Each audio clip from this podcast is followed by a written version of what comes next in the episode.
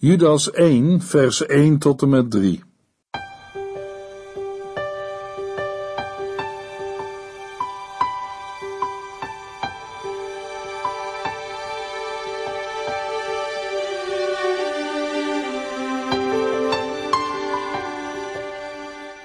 Hartelijk welkom bij De Bijbel Door. Dit is een programma van Transworld Radio. U kunt ons ook vinden op internet www.transworldradio.nl. De Bijbel Door is een radioserie die in vijf jaar tijd door de hele Bijbel gaat. Van Genesis tot Openbaring, van kaft tot kaft.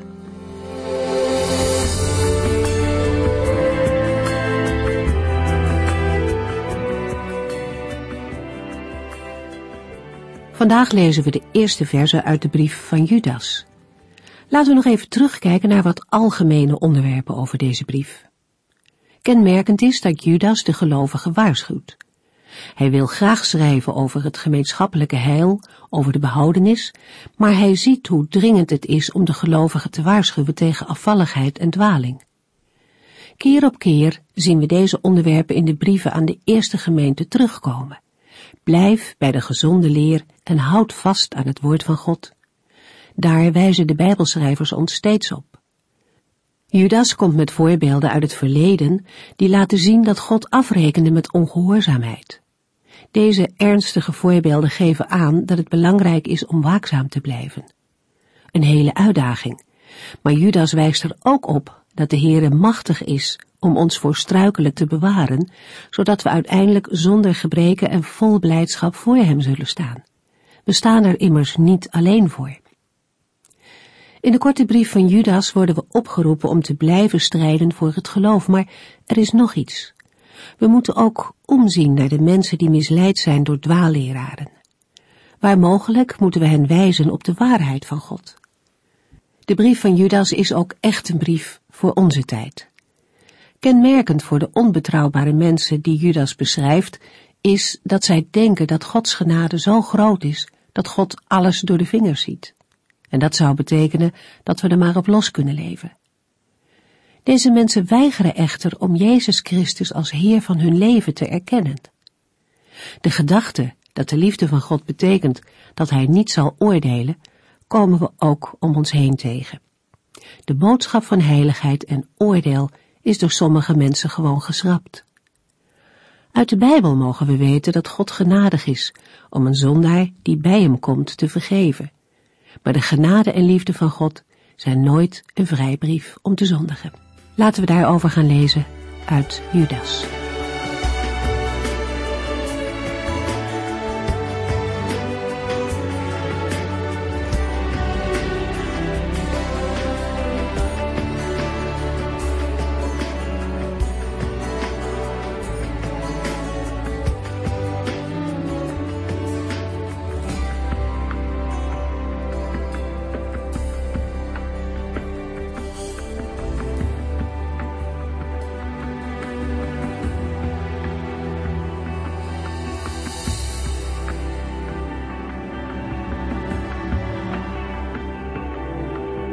De inleiding op de brief van Judas in de vorige uitzending maken we nu een begin met het lezen van de brief van Judas.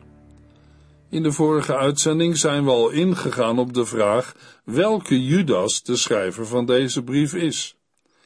We kwamen toen tot de volgende conclusie. De schrijver noemt zichzelf een dienaar van Jezus Christus en een broer van Jacobus. Deze benaming samen met de verwijzing naar de apostelen in Judas 1 vers 17, maakt het onwaarschijnlijk dat dit de apostel Judas is, die in Lucas 6 Judas de zoon van Jacobus wordt genoemd. Judas, de schrijver van deze brief, moet een van de broers van de Heer Jezus zijn geweest, en wel degene die wordt genoemd in Matthäus 13 en Marcus 6.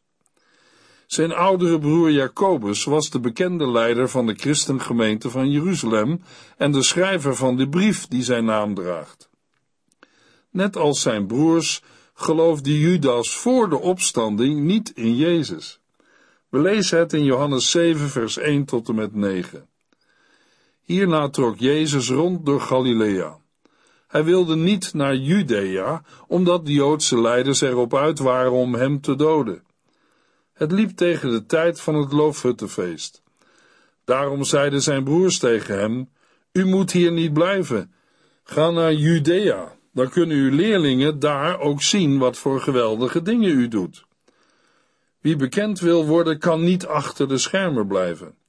Als u werkelijk zo groot bent, laat het dan aan de wereld zien. Want ook zijn broers geloofden niet dat hij de Christus was. Jezus antwoordde hun: Het is mijn tijd nog niet. Jullie kunnen gaan wanneer je wilt, want de wereld kan jullie niet haten. De wereld haat mij, omdat ik haar beschuldig van slechte dingen. Gaan jullie maar naar het feest.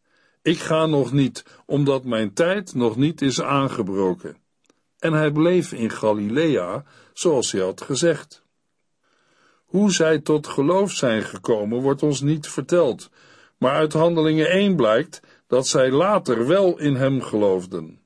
We lezen in Handelingen 1, vers 14: Voortdurend baden zij eensgezind met elkaar, samen met de vrouwen die met Jezus waren meegekomen, zijn moeder Maria en zijn broers.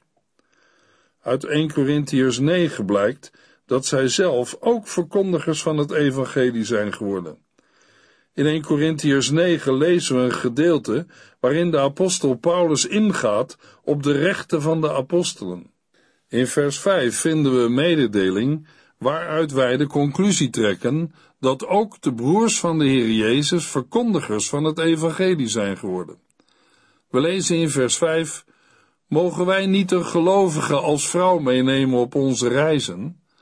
De andere apostelen en de broers van de Heer Jezus doen dat ook, en Petrus doet het. Judas 1, vers 1. Van Judas, een dienaar van Jezus Christus en een broer van Jacobus aan alle mensen die door God de Vader geroepen zijn. Hij houdt van u en zijn zoon Jezus Christus bewaart u. De aanhef van de brief vertoont het bekende patroon.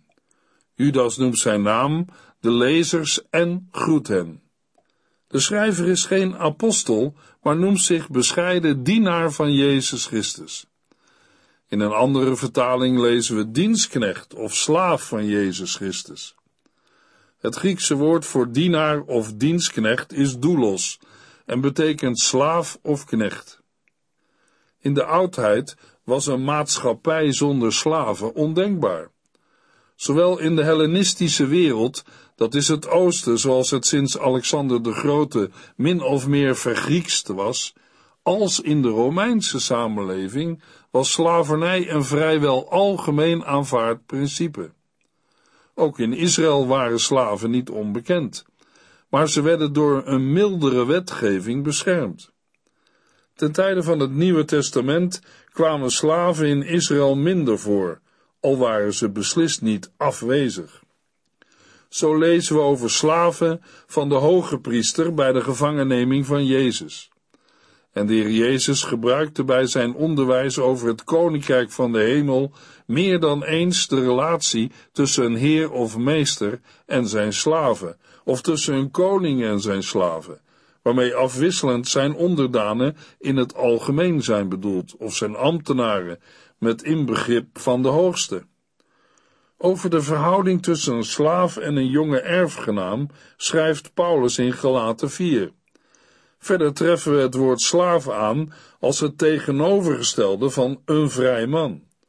Een slaaf is het eigendom van zijn heer en verplicht tot gehoorzaamheid.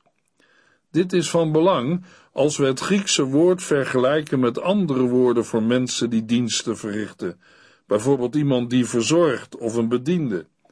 Het zijn verschillen die wij lezen in de woorden als knecht, helper en huisbediende. Daarnaast zijn er twee woorden die ook betrekking kunnen hebben op mensen met een speciale bediening in de gemeente. Bijvoorbeeld een diaken, of iemand die een openbare dienst verricht, bijvoorbeeld een priester of leviet. Wel kan een slaaf door een aparte opdracht over andere slaven worden aangesteld. Hij heeft dan een grotere verantwoordelijkheid, juist ook op het punt van gehoorzaamheid. Een slaaf kon ook worden vrijgelaten, zich met eigen gespaard geld vrijkopen of door een ander vrijgekocht worden.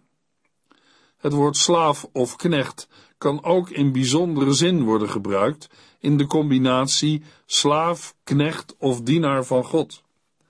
In al die gevallen wordt vanwege de in onze taal en cultuur negatieve bijklank van het woord slaaf meestal vertaald met dienstknecht of dienaar. Maar ook heeft de betekenis van het Griekse woord het element gehoorzaamheid in zich. Christus zelf heeft ook, hoewel hij de gestalte van God had, zich niet vastgeklampt aan zijn goddelijke rechten. Integendeel, hij legde zijn grote macht en heerlijkheid af, nam de gestalte aan van een dienaar en werd een mens.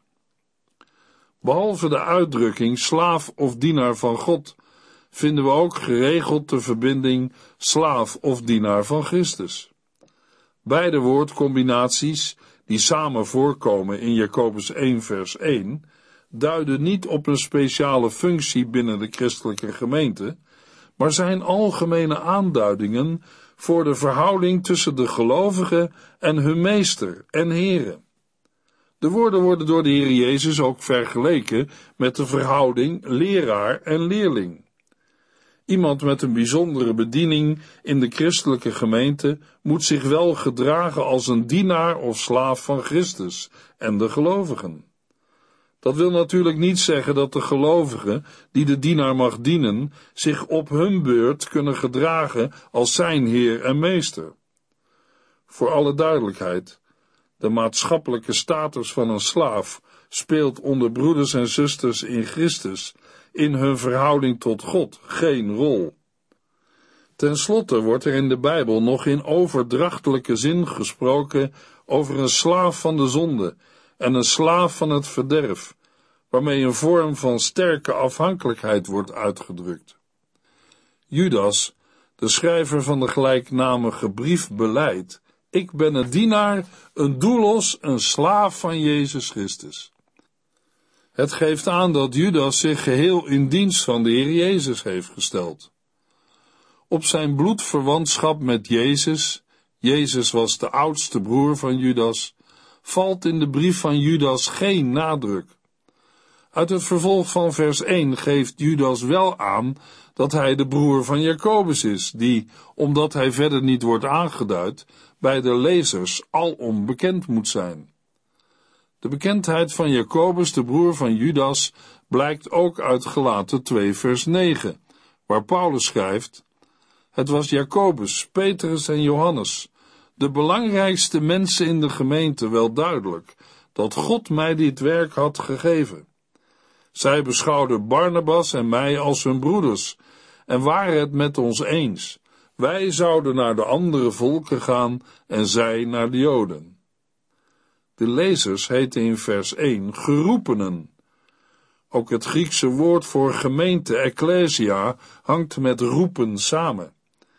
Deze geroepenen worden in de Griekse tekst van vers 1 nader aangeduid met geheiligden en bewaarden. De lezers zijn geheiligd en geliefd door en in God, de Heere, die tevens Vader wordt genoemd. In onze vertaling lezen we de woorden: Hij houdt van u. Dat wil zeggen dat hij zijn liefde naar hen heeft doen uitgaan. De Heere is er ook voor hun bescherming en bewaring. De gelovigen zijn ook door, voor of in Christus bewaard. Afhankelijk hoe we het voorzetsel bij de woorden zijn zoon Jezus Christus lezen, kunnen we er het volgende van zeggen. Lezen we door, dan is de Heer Jezus degene die de zijne bewaart voor de boze en andere gevaren. Lezen we voor, dan gaat het om het bewaard zijn door God de Vader voor Christus in het eindoordeel dat komt. Nog een andere mogelijkheid is dat de gelovigen in Jezus Christus bewaard zijn door God de Vader. Deze bewaring staat in scherp contrast met het oordeel dat de dwaalleraars te wachten staat. Bewaring door God de Vader of Christus gaat evenwel niet buiten de gelovigen om. Zij moeten ook zichzelf bewaren. In Judas 1 vers 21 lezen we, Houd vast aan de liefde van God en blijf de goedheid verwachten van onze Heer Jezus Christus, die u het eeuwige leven schenkt. Het werkwoord bewaren speelt in de brief van Judas een belangrijke rol. Gelovigen worden bewaard door God de Vader, maar moeten ook zichzelf bewaren. Gods initiatief en zijn garantie en de verantwoordelijkheid van de gelovigen worden door Judas in balans gehouden. Liefde van God kan betekenen de liefde van de gelovigen voor God, maar ook de liefde van God voor de gelovigen. In Judas 1 vers 20 wordt gezegd dat het zichzelf bewaren van de gelovigen te maken heeft met geloofsopbouw en bidden in de Heilige Geest. In Judas 1 vers 21 wordt de toekomstverwachting erbij gevoegd. De bewaring krijgt ook gestalte als de gemeente de verwachting, de wederkomst en de terugkeer van Jezus Christus levend houdt. Verwachten is voor een christen het uitzien naar de wederkomst van Christus.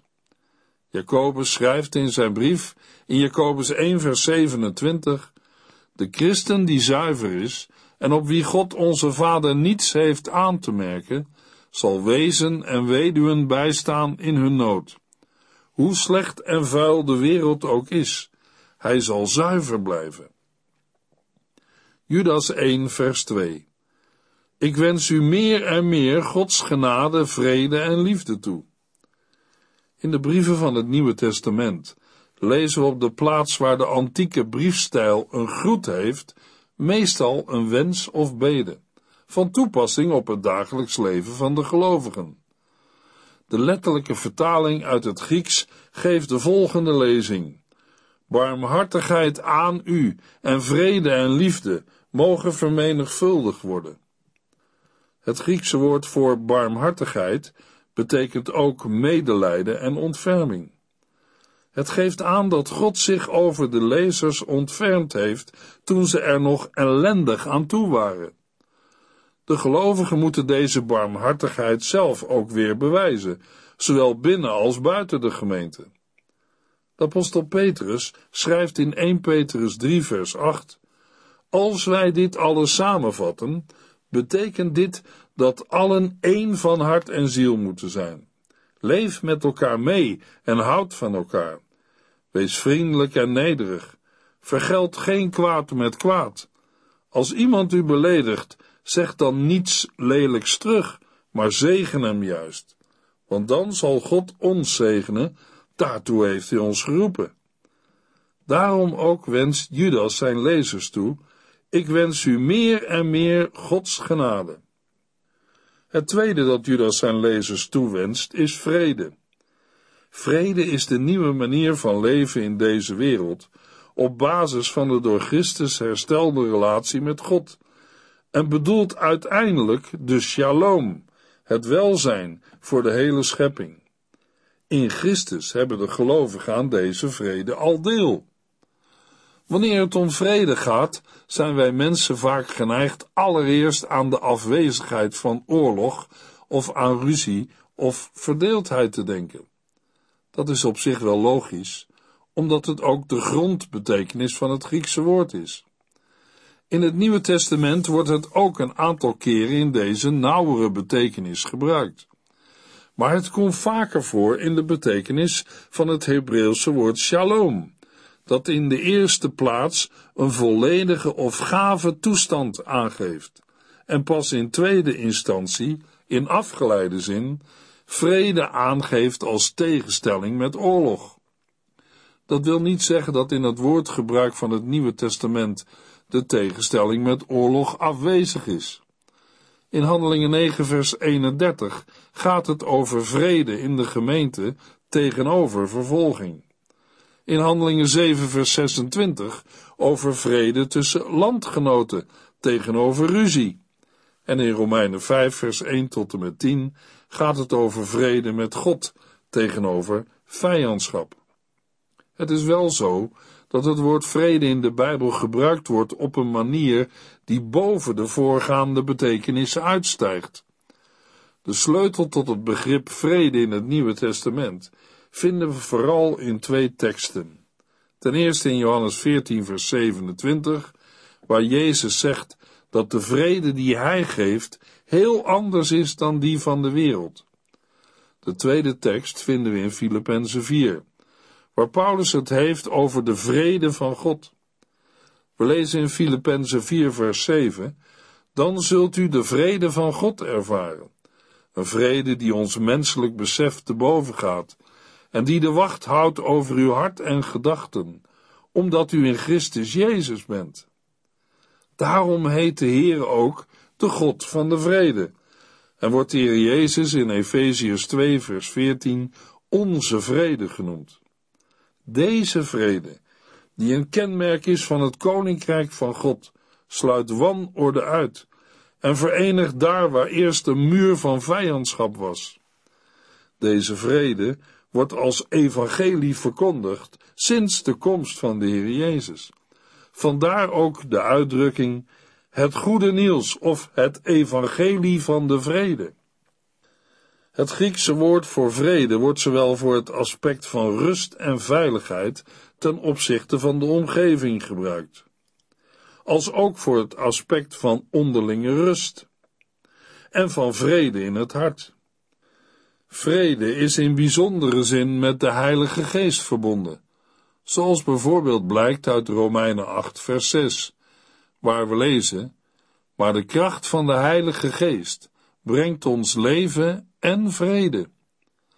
Vrede maakt dan ook deel uit van de negenvoudige vrucht van de Heilige Geest.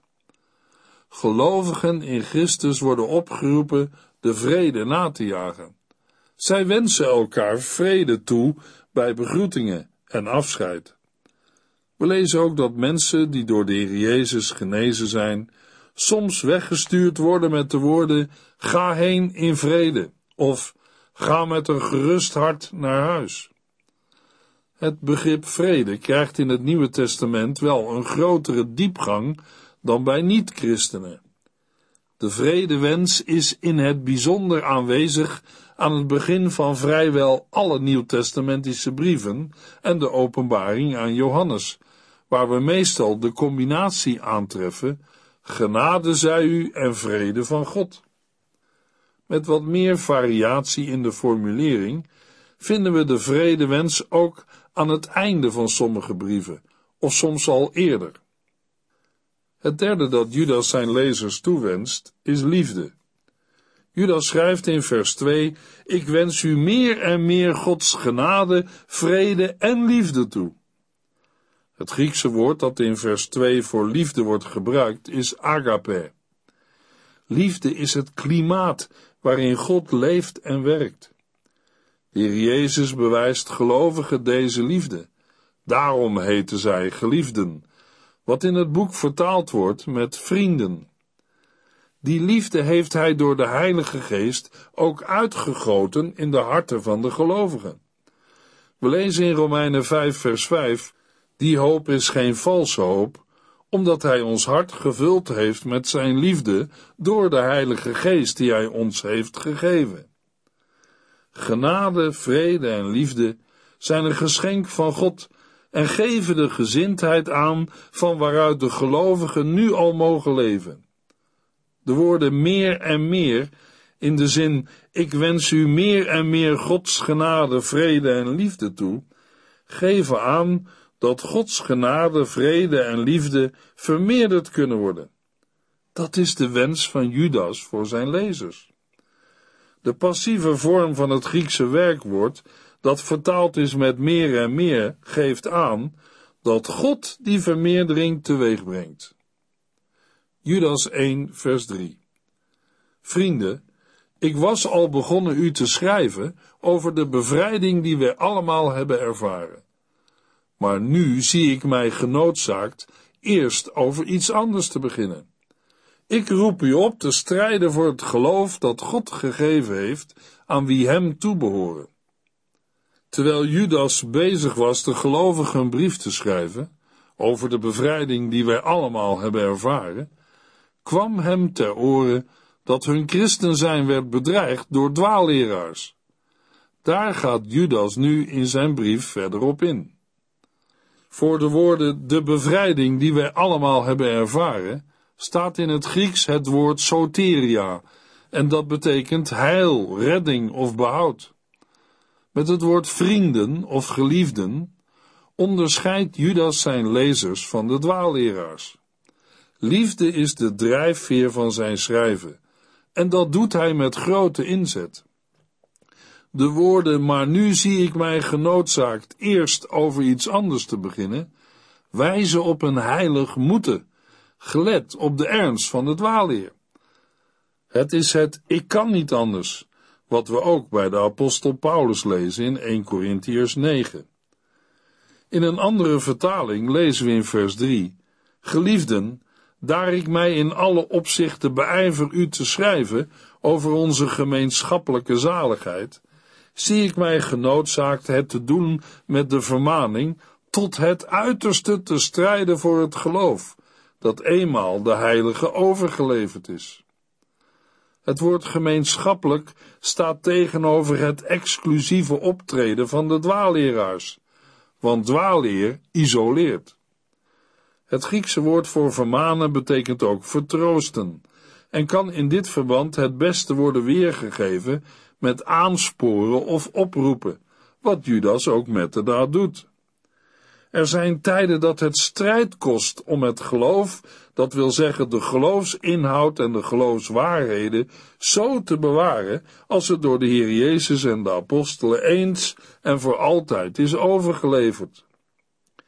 Een voorbeeld van de geloofsinhoud en de geloofswaarheid vinden we in 1 Petrus 3 vers 18, waar we lezen, ook Christus heeft als een onschuldige voor schuldigen geleden voor onze zonde, voor eens en altijd, om ons bij God terug te brengen. Hij is lichamelijk gestorven, maar is weer levend gemaakt door de geest. De heiligen, of degene wie hem toebehoren, zijn de leden van de verschillende christengemeenten, die voor de Here apart zijn gezet. Judas wil met zijn brief de gelovigen helpen ook heilig te blijven. In de volgende uitzending lezen we Judas 1, vers 3 en 4.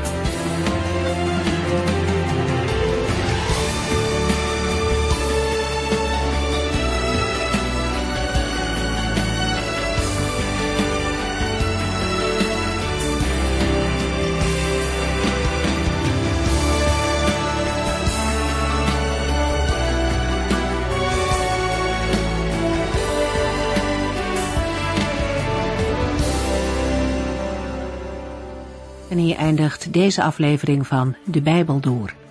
Een serie programma's van Transworld Radio. Wilt u ons iets vragen of meer weten? Dan kunt u altijd contact met ons opnemen. Bellen kan overdag met 0342 478432. Per post Transworld Radio. Postbus 371. Postcode 3770. Anton Johannes in Barneveld. En e-mailen kan ook. De Bijbel door at transworldradio.nl En natuurlijk ook via onze website transworldradio.nl Dit programma werd gepresenteerd door Cor Weda en Ike André. En namens iedereen die er nog meer aan meegewerkt heeft, graag tot de volgende keer.